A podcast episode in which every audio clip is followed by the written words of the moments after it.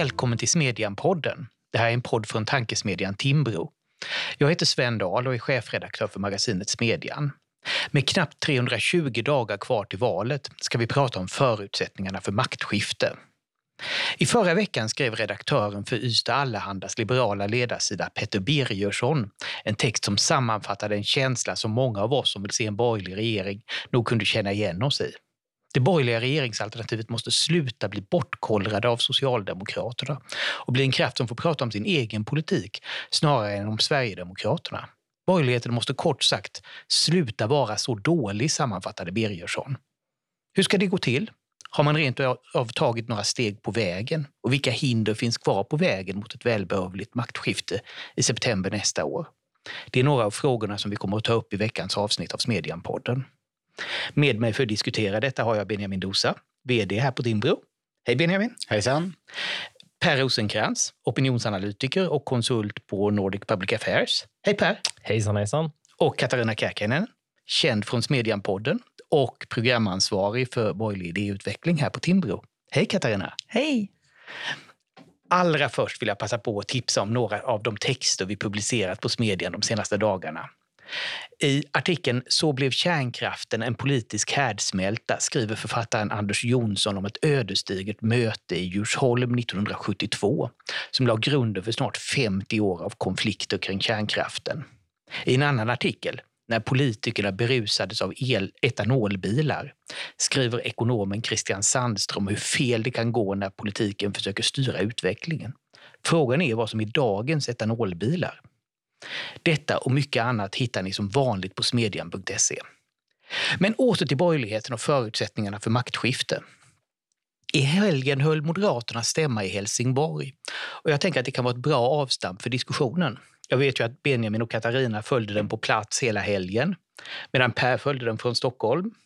Själv var jag på plats under delar av stämman.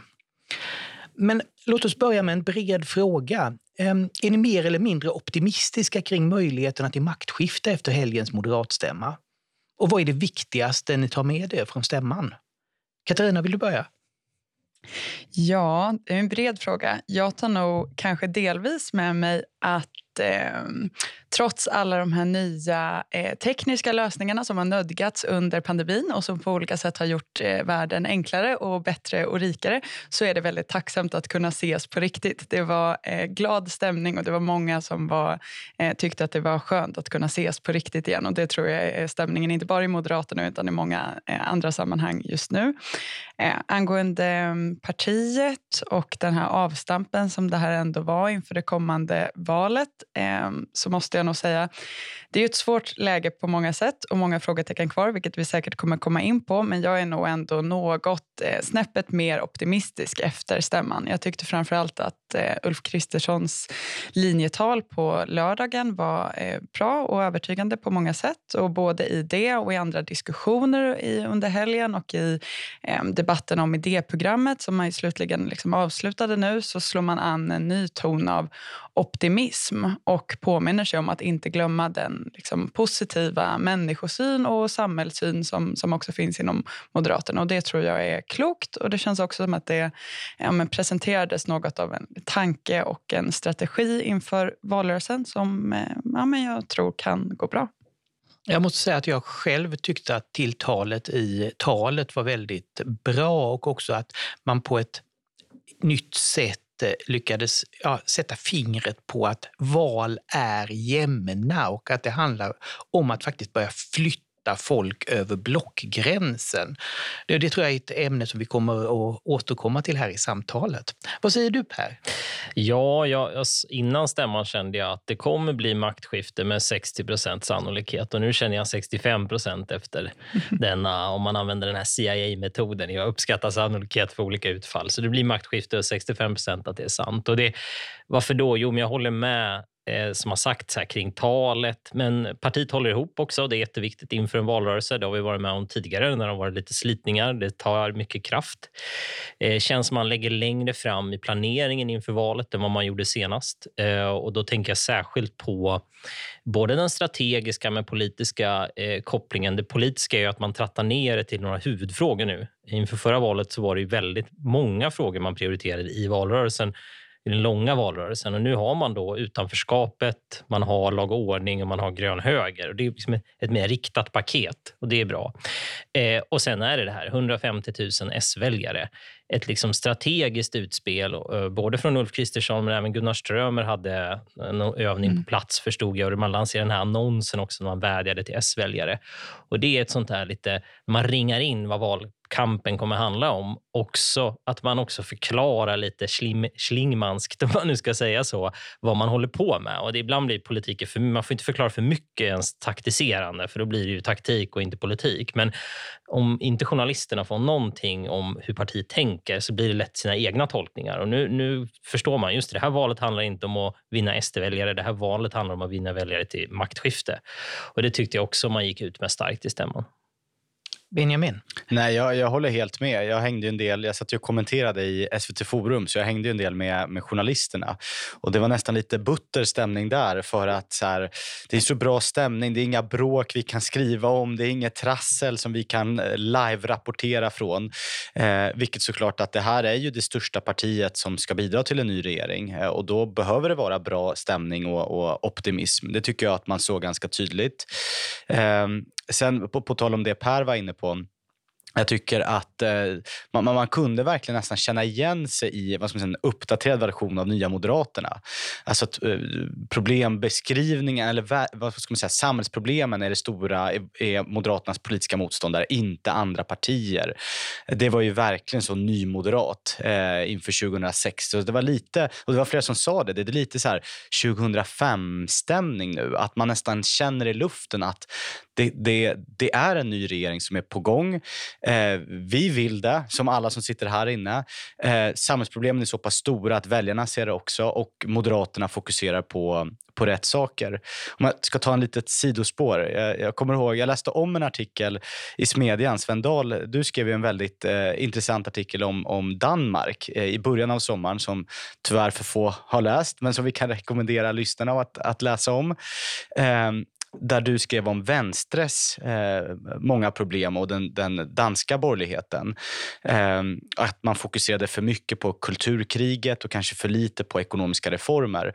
Går man igenom handlingarna inför den här stämman, arbetsstämman då, så fanns det ju väldigt mycket. Man, stod nästan, man hoppade nästan på gasen när det kom till ekonomiska strukturreformer. Alltså klimatpolitiken, näringspolitiken, ekonomiska skattesänkningar. Eh, det var väldigt frihetligt orienterad social och ekonomisk politik. Det tycker jag är glädjande som, som timbroid såklart.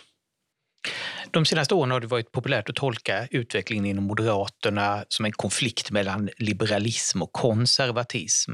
Och även i samband med den här stämman såg jag så rubriker i stil med att nu har M valt konservatismen. Men alltså hjälper den här analysramen oss överhuvudtaget om vi vill förstå Moderaterna idag? Vad säger du Katarina som ägnar ganska mycket tid åt just de här frågorna?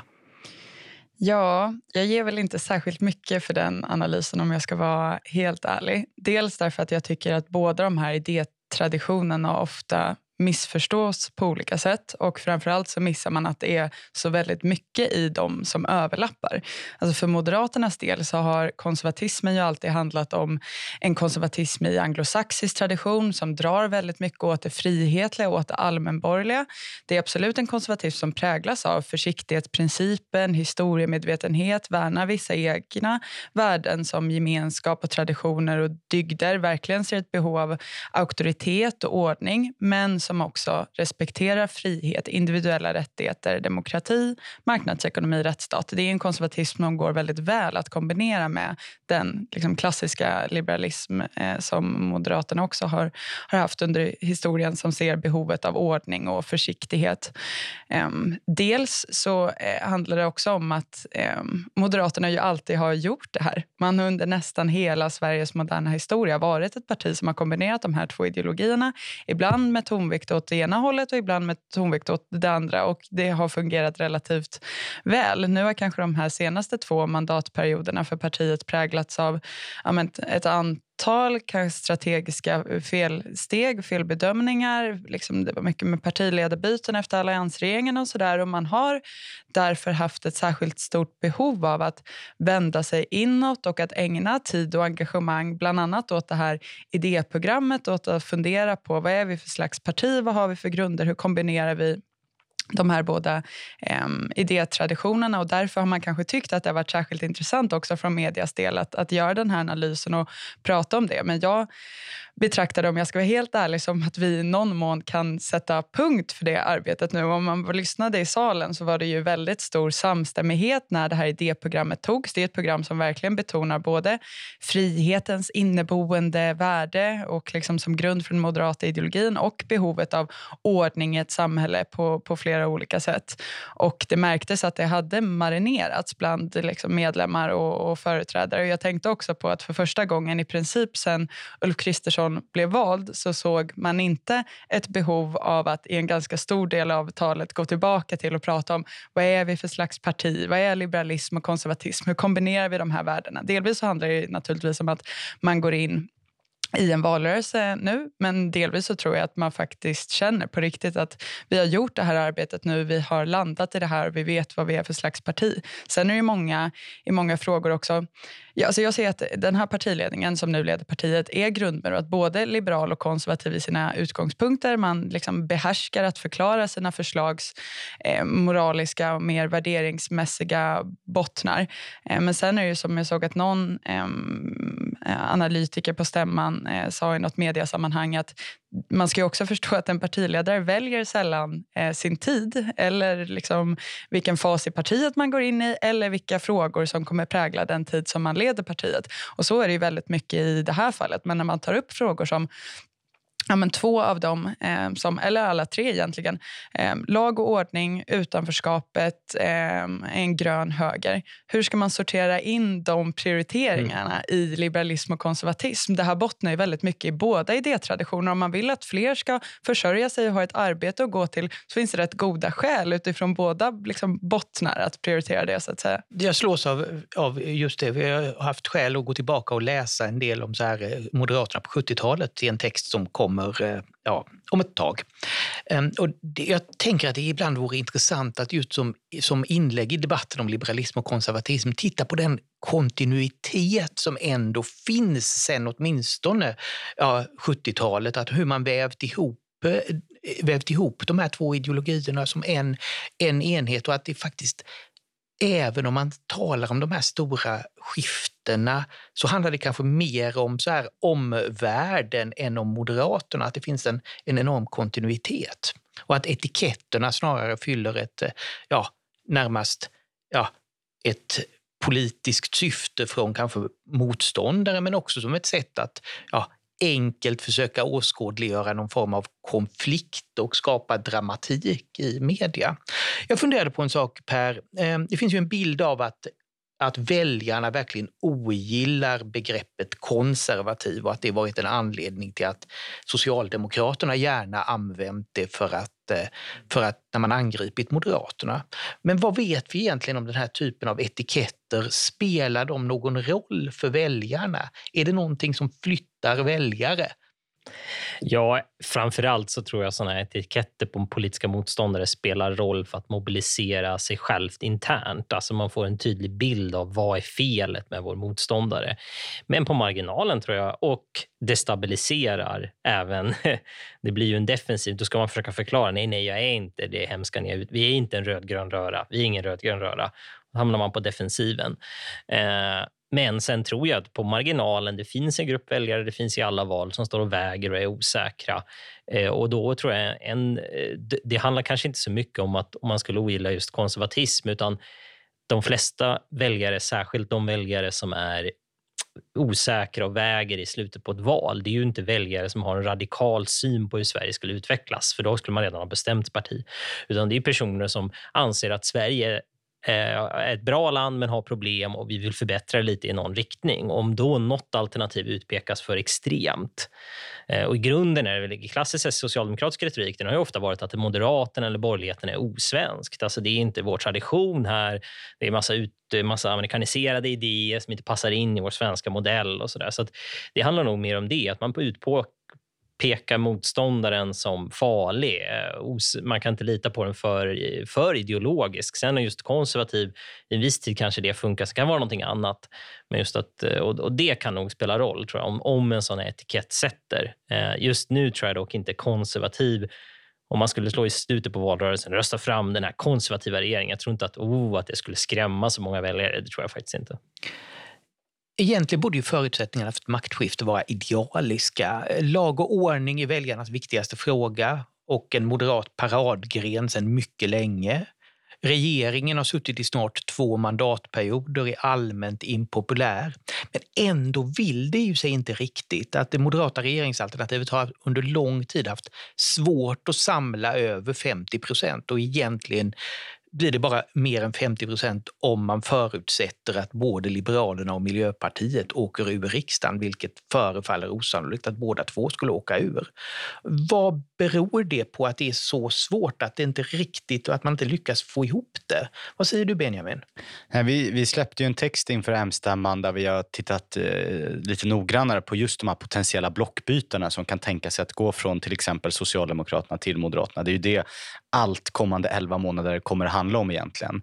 Eh, jag tror att det finns ett, ett par olika skäl. Delvis ser ju vi att de potentiella blockbytarna har en mycket, mycket mer optimistisk syn på samhället och på Sverige än både vad ska man säga, högerväljarna men också till och med vänsterväljarna. Det, är alltså, det hör till de mest optimistiska väljarna i, i, hela, i hela Sverige. Eh, och hur kommer det sig? Ja, vi har ju tidigare släppt en text också om att framförallt C-väljare underskattar storleken på, på utanförskapet. Eh, jag tror att det har med segregering att göra och lite demografi. Alltså att i grund och botten eh, de här, det finns väljargrupper i Sverige som inte ser, inte hör, inte känner det utanförskap som finns i, i delar av, av Sverige. Och det är klart att då, då kanske Moderaternas eh, ton blir lite väl tuff för att man bor långt därifrån, man umgås inte med personer som har bakgrund i den typen av områden, man har inga föräldrar som är oroade att gå ut på kvällen. Så det tror jag liksom är liksom en bidragande orsak. Om man jämför då med valrörelsen 2006 så var ju utanförskapet, det var ju liksom a-kassa, förtidspension, pension, sjukpenning.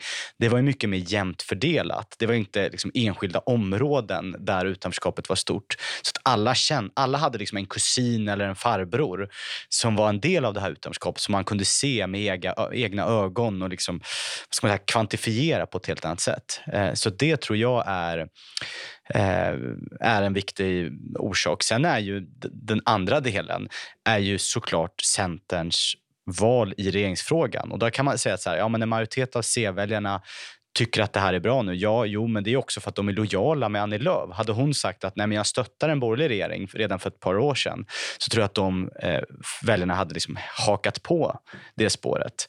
Så att eh, om man vänder på frågan så, så är det ju bara 35 procent, lite drygt, som faktiskt röstar vänster idag. Och det är ju historiskt låga siffror. Eh, den här jämförelsen det görs ju ofta, men man, det slängs ut eh, att ja, oppositionen borde vara mycket större nu än sittande regering om man ska ha en chans att vinna valet. Men det är bara att gå tillbaka och titta på massa svenska val så brukar det inte alls alltid se ut. Inför förra valet, nu vann man i och för sig då inte, men nu, då är M, KD, SD ungefär 10 procentenheter större nu än då. Eh, och inför valet 06 så tog man ju kapp det egentligen mycket närmare valet och så vidare. Utan det är ju en mer modell som är i, när det är tvåpartisystem eh, så är det ju ofta så att den sittande regeringen är nedsänkt på grund av ja, att man tycker man är missnöjd med hur saker fungerar men sen närmare valet sker en mobilisering till sittande regering. Så därför måste man gå in i generellt sett, statistiskt sett, med ett visst överskott. Men i flerpartisystem som det svenska, när vi har Centerpartiet som Benjamin pekar på som har bytt sida mitt i så kan man inte säga att ja, när det är så här lång tid till valet, då borde oppositionen leda med x antal procentenheter för att, eh, för att de ska ha en chans att vinna. Det, det tycker jag är en det, det, tror inte jag statistiskt, eller det statistiskt stämmer inte helt enkelt. Så, så brukar inte svenska val se ut. Den här analysen av eh, de potentiella eh, blockbytarna inför nästa, inför nästa val finns att läsa på Smedjan. Där finns en artikel som heter Reformdriven optimism kan vinna valet åt Moderaterna. Den rekommenderas mycket för jag, jag tycker just att fokus på blockbytarna är helt centralt. Och kanske det är något av det viktigaste som jag tog med mig, tog med mig därifrån, att det är precis som egentligen 2006 och 2010 års val avgjordes av att Moderaterna lyckades väldigt väl med att flytta, ja, flytta socialdemokratiska väljare. Finns det någon fråga, Benjamin, som du vill särskilt lyfta fram där som viktig för att just ja, men flytta väljare från Socialdemokraterna? Det, det, vi såg i den mätningen var ju att ekonomisk politik, alltså både jobben, arbetslöshet men också Sveriges ekonomi eh, var viktiga frågor. Över förväntan faktiskt. Så det, det stack ändå ut, vilket då borde ligga... Det borde ju vara en fördel för borgerligheten och borgerliga partier som traditionellt sett är väldigt starka i den typen av frågor. Det jag ska säga också, det som är intressant, mycket i media har ju fokuserat på att eh, kan L och M vinna C-väljare? Och det är klart att det är en fortsatt viktig grupp eh, för M och L-ledningarna. Men över hälften av de potentiella blockbytena kommer från S. Och Då är alltså mm. S redan nedtryckta på relativt låga siffror. Eh, så att det, och, och då, ja, det här har vi inte data för, men, men en gissning är ju att vi nu börjar liksom bita på Socialdemokraternas lite märg. Alltså väljare som historiskt alltid har röstat på Socialdemokraterna. Antingen sen de kom till Sverige, många är ju utrikesfödda, eller att det är eh, personer som, som är lite äldre och som har röstat på S i generationer men som nu ändå kan tänka sig att, att byta block. Så att, eh, det tyckte jag var, det var också lite förvånande att så pass många S-väljare ändå kan tänka sig att, att agera för, för en ny regering. Vad säger du där Per? Ja, det är jättespännande. Eh, jag måste faktiskt läsa den här artikeln känner jag nu när jag hör lyssnar på Benjamin. Det, eh, nej men det, det, finns ju en sån... Jag tror att den uppskattning, eh, Moderaternas uppskattning är väl 150 000 eh, socialdemokratiska väljare. Och det betyder ju inte att alla de kommer att göra det på valdagen. Men i varje val har det funnits en, en grupp personer. De röstar också på de två största partierna.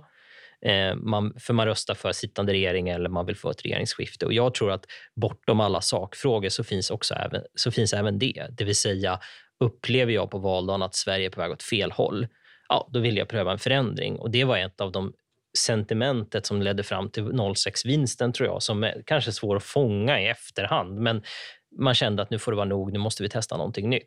Eh, och, och, och, den kraften gäller ju också att regeringsalternativet då till höger med Moderaterna i spetsen tar tillvara på i slutet av valet. Att, att, att verkligen få in den kraften, att nu har vi en chans här att göra ett skifte. Det, det är någonting som jag också tror kan locka de här eh, sista blockbytarna eh, som känner att Sverige är på väg åt fel håll. För vi vet enligt mätningarna att det är väl ungefär i alla fall en 30 procent av S-väljare eller fler som tycker utvecklingen går åt fel håll. Och det är en svår uppgift för S-ledningen att vända den siffran eh, när det är så kort tid kvar till valet.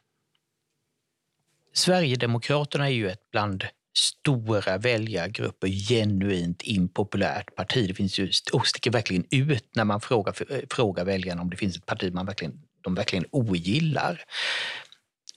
Är Sverigedemokraterna ett sänke för det moderata regeringsalternativet? Ja, jag måste säga långsiktigt kan man inte säga att de är ett sänke, tycker jag.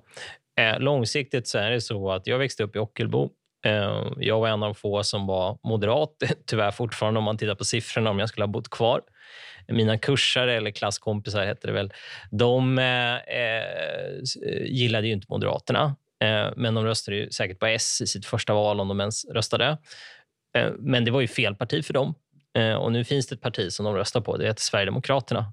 Och De har en mycket mer till höger ekonomisk politik. Sen finns det frågor och värderingar som, där de står långt ifrån. Men när det gäller den ekonomiska parti, politiken så har de förflyttat sig tydligt högerut. Det visar alla mätningar.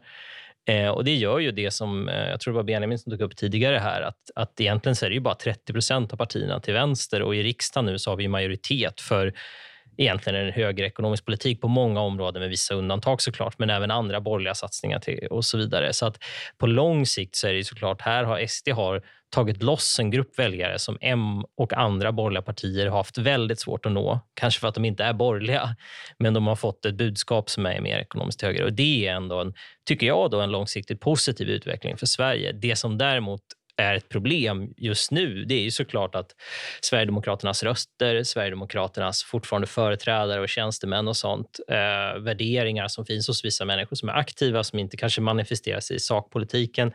Och Det gör ju att det, i det korta perspektivet så är det ett hinder att rösta på en borgerlig regering är ju att SD får inflytande för de här äh, blockbytarna. Och det är ju en stor, stor risk. Men det är ju otroligt svårt att påverka. Det är ju en läxa som SD själva måste göra. Mm.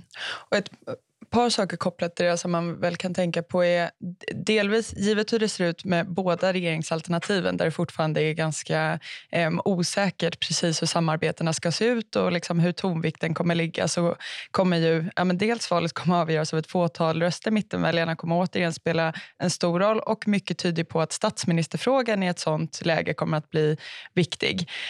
Um, och där ligger ju Ulf Kristersson relativt gott till eh, om man tittar på de här mätningarna som vi har gjort också. Man har ganska jämnt i förtroende med andra partiledare om man specifikt då tittar på den gruppen potentiella blockbytare. Så där kan man ju tänka att det finns att man vinner lite tillbaka i förtroende av att han kan prata om de här frågorna och då handlar det ju om det som vi var inne på eh, alldeles nyss. Eh, utmaningen är ju den här balansakten. Då. Man måste informera de här väljarna om hur stora problemen är, framförallt kopplat till den ekonomiska politiken och då framförallt utanförskapet där man har liksom försökt slå an en ton utan att då uppfattas som att man överdriver dem och de ska finnas någon typ av liksom optimist och realistiskt alternativ om vad man kan göra åt det.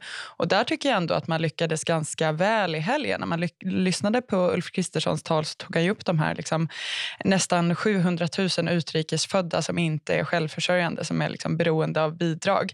Men slog snarare an en ton av att vilket liksom slöseri på mänskligt kapital det här är. Och tänk om vi kunde omvandla alla de här berättelserna till att liksom integrationsproblemen inte cementeras över generationer utan att vi kan få en ny form av liksom social rörlighet i Sverige idag. Och det tror jag är en berättelse som många kan liksom, eh, ja, men se en stor attraktion i.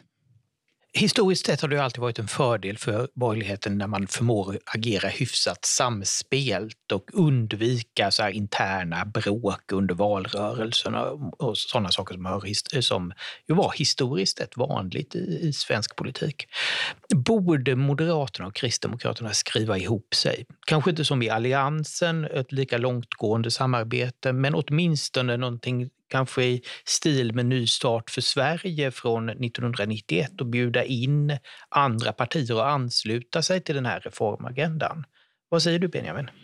Ja, men det tycker jag definitivt. Jag hade ju gärna sett att både L och SD kunde vara med på, på något sånt också, eh, av flera olika skäl. Eh, delvis så blir ju den här risken för de här potentiella blockbytarna blir förhoppningsvis mindre ifall man svart på vitt kan se på ett ungefär vad politiken och det politiska innehållet kommer att vara. Eh, dessutom surrar man ju fast alla partierna vid eh, konkreta reformer och kan se till att man, liksom, valrörelsen handlar om, om det man själv tycker är viktigt. Så eh, det, och då hoppas jag att, att Sverigedemokraterna också kan eh, svänga om i frågan om, om bidrag, arbetslinje till exempel. Vi har ju gjort, vi kommer med, med rapporter där man i vissa bidragsfrågor till och med står till vänster om Vänsterpartiet, alltså Sverigedemokraterna då.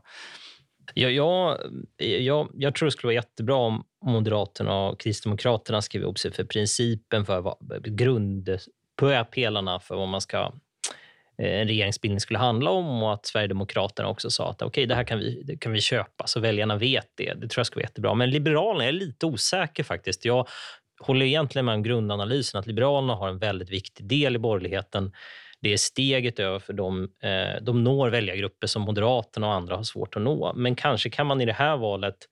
Risken när man går in i en koalition med så litet parti det är ju att man faller i glömska. Tänk om de skulle kunna säga vi stöttar också de här punkterna men vi skriver inte under för vi står också för någonting annat. Och så tydliga, några tydliga supervalförslag som de har. Vi vet alltså i förra valet att det var många som röstade på L på grund av värnskatten.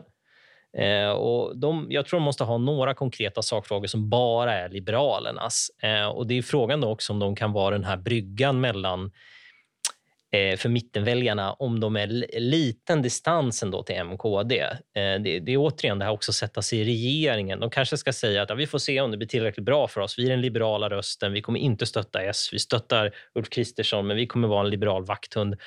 Jag förstår här, det är ett knepigt budskap, men jag är lite rädd att de kommer, om de går in fullt ut, då tappar väljarna bort dem och då kanske de inte ens kommer in. Så.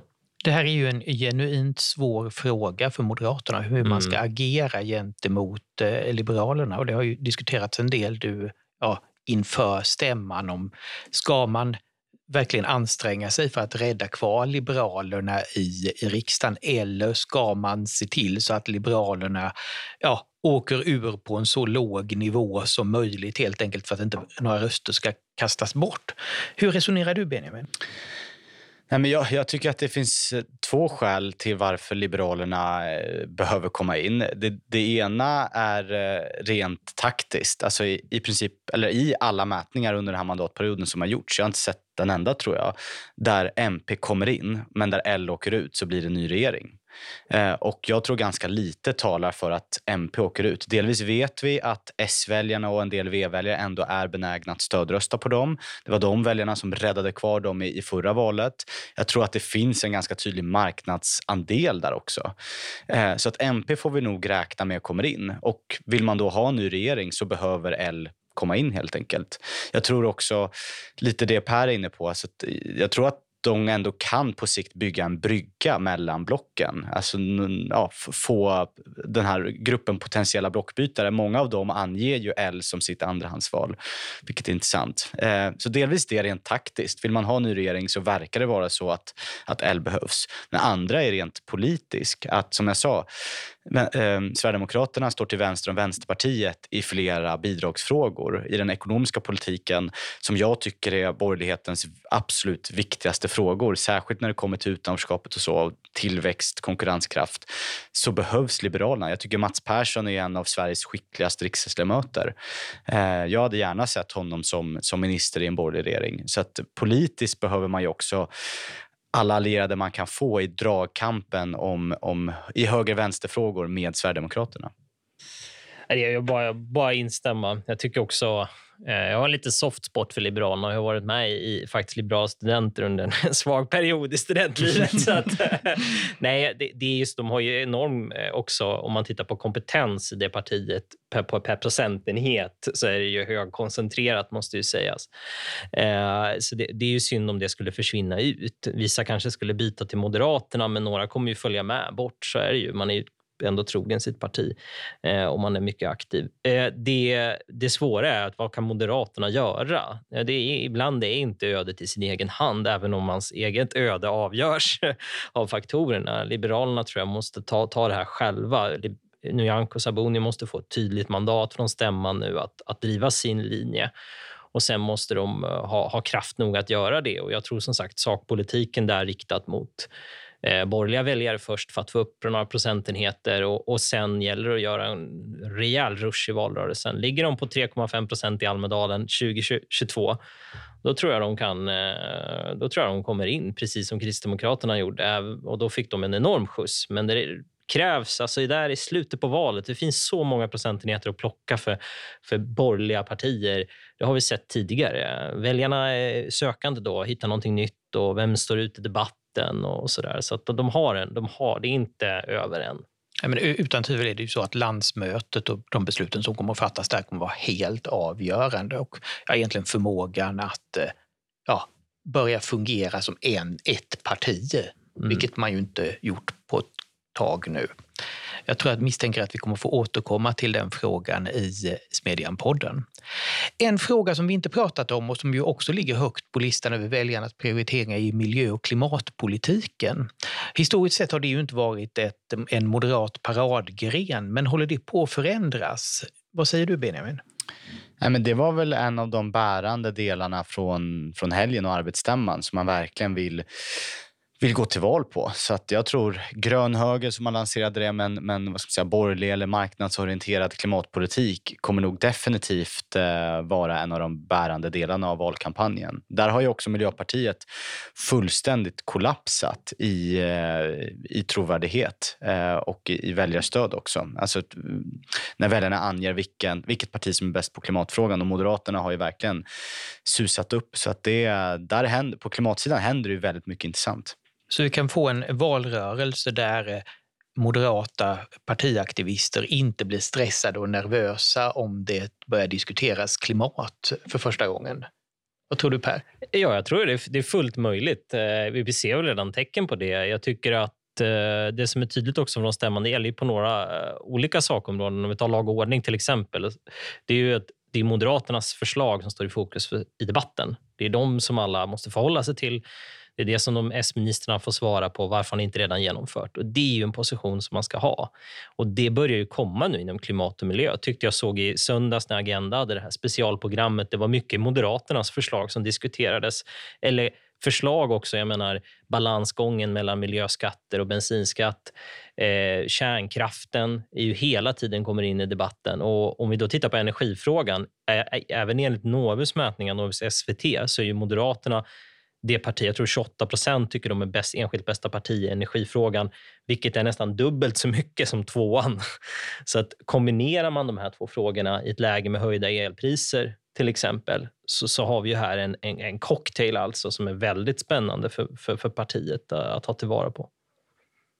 Varje valrörelse har förstås sin X-faktor som förändrar spelplanen. Det vet vi ju, eh, så vi som varit med och följt ett antal valrörelser. Men redan nu vet vi ju en sak som kommer att vara annorlunda jämfört med de gångna åren.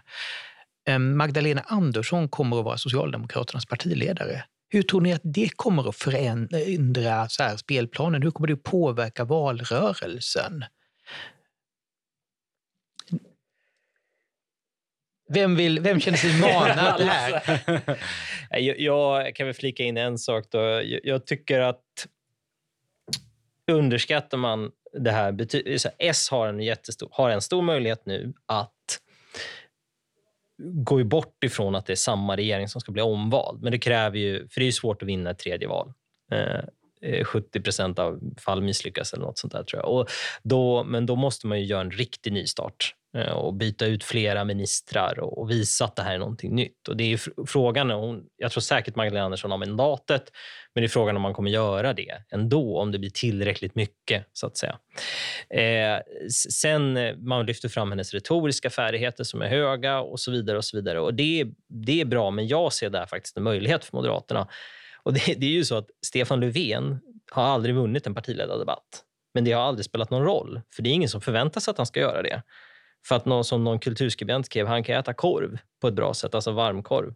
Han är trovärdig, han har den bästa personliga storyn som någon svensk politiker kanske någonsin har haft.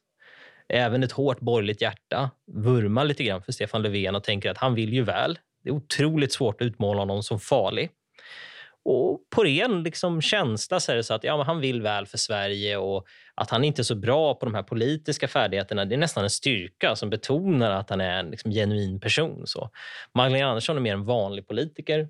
Eh, och som PM Nilsson tror jag uttryckte i en, debattartikel, eller en ledartext att nu kommer vi ha en, politik, en statsminister, det har vi inte haft på åtta år, eh, som faktiskt kan formulera politik så man förstår det, debattera, ta debatter och Då kan det bli en debatt mellan, mellan Ulf Kristersson och Magdalena Andersson. Och Det har ju faktiskt inte varit någon riktig debatt mellan Ulf Kristersson och Stefan Löfven.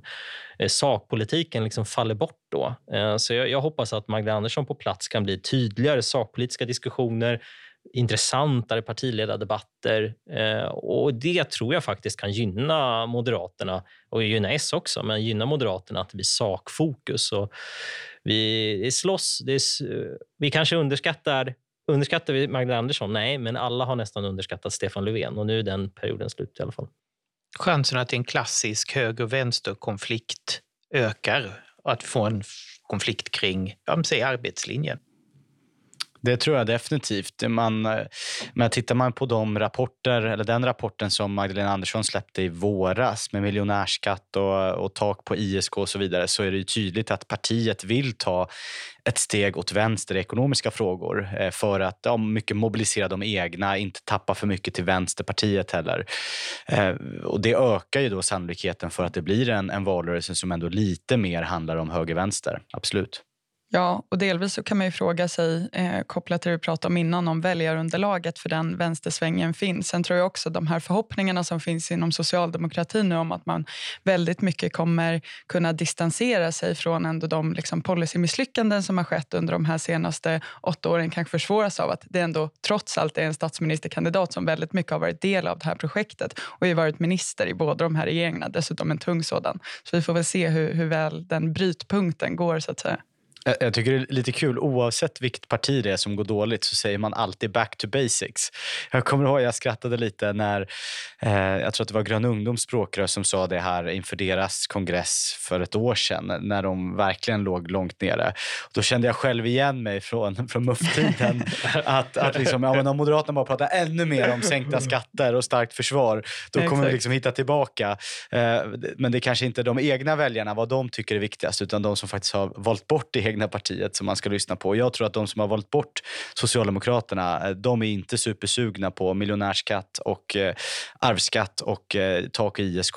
Det gäller ju inte minst de som då gått från Socialdemokraterna till Sverigedemokraterna. Att eh, det vi vet om dem är att det är väljare som lutar ganska ordentligt åt höger i den ekonomiska politiken. Så att tro att de skulle strömma tillbaka till Socialdemokraterna om man bara höjde skatten ordentligt, det är nog en ganska vansklig kalkyl. När vinna tillbaka V-väljarna, det är ju en sak. Alltså att eh, V ligger ju runt 10 procentenheter. De kan väl åka ner till 6 då. Och då vips har S4 och då är det succé i opinionen. Ja, ja, men det är ju egentligen inte, spelar ingen roll för maktskiftesmöjligheten. Avslutningsvis, det är knappt 320 dagar kvar om ni ska ge ett råd till ledningen i något av partierna till höger i svensk politik. Ni väljer själva vilket, men syftet är att öka chansen att vi får en moderatledd regering efter valet. Vad skulle det vara?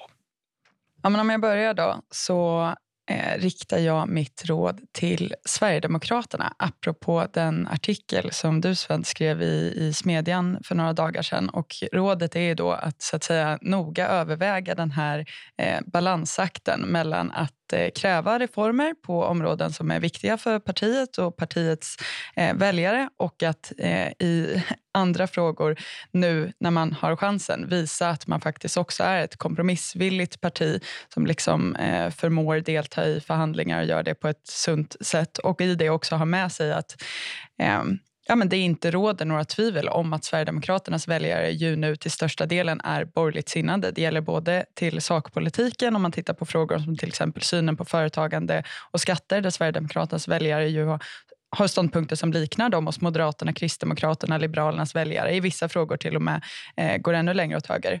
Och i regeringsfrågan. Så det skulle väl vara medskicket. Per? Eh, ja, då, väl, då tar jag Moderaterna. Då. Eh, då tycker jag fortsätt håll blicken på eh, blockbytarna. Det vill säga fokusera på dem. Det är dem som det kommer handla om. Och förvänta er inga underverk ha tålamod. Det här kommer bli kampen från tror jag, Almedalen och in i valrörelsen. Vi vet från de väljarstudier som SOM-institutet har gjort att sju av tio som brukar byta block de byter i valspurten. Eh, så då gäller det att man är jätteväl förberedd för valspurten och har kraften då. Och då tror jag också, och här kommer mitt då, nya medskick egentligen. Nej, men det är, tänk, tänk på hushållsekonomin i slutet. 06, ni minns fastighetsskatten, jobbskatteavdraget Benjamin har pratat om den stora, vad ska vi säga, eh, samhällsfunktionen av de reformerna. Men det fanns också en plånboksreform i grunden, att människor fick mer kvar av, av att jobba. Och jag tror att eh, det för den här gruppen väljare så kommer det vara viktigt. Det är inte viktigt just nu, men närmare valet då sitter man och jämför. Hur kommer det här påverka mitt liv? Och då ska Moderaternas alternativ vara solklart det bästa. Benjamin? Ja, då tar jag det minsta, men i min mening det viktigaste partiet just nu, det vill säga Liberalerna. Eh, jag tror inte vi får en ny regering utan att Liberalerna kommer in. Så att, vad behöver Liberalerna göra? Jo, ett, skärpa till sig, sluta bråka, eh, sluta skapa osäkerhet, enskilda personer då, om att Liberalerna faktiskt eh, vill se en ny regering. Eh, och delvis hitta de här en, två, tre frågorna som Per var inne på som så tydligt förknippas med eh, Liberalerna. Sist var det värnskatten. Man kanske kan hitta en ny skattefråga den här gången. Eh, försvaret, skolfrågan har ju också varit såna viktiga frågor där man har ändå eh, tappat momentum i. Så att eh, skärpa till sig och hitta en, två, tre frågor som sticker ut. Det får lov att bli sista ordet. Stort tack till Per Rosenkrantz, Benjamin Dosa och Katarina Kärkkäinen. Tack. Tack också till er som lyssnat. Vi ses på smedjan.se och hörs igen här om en vecka.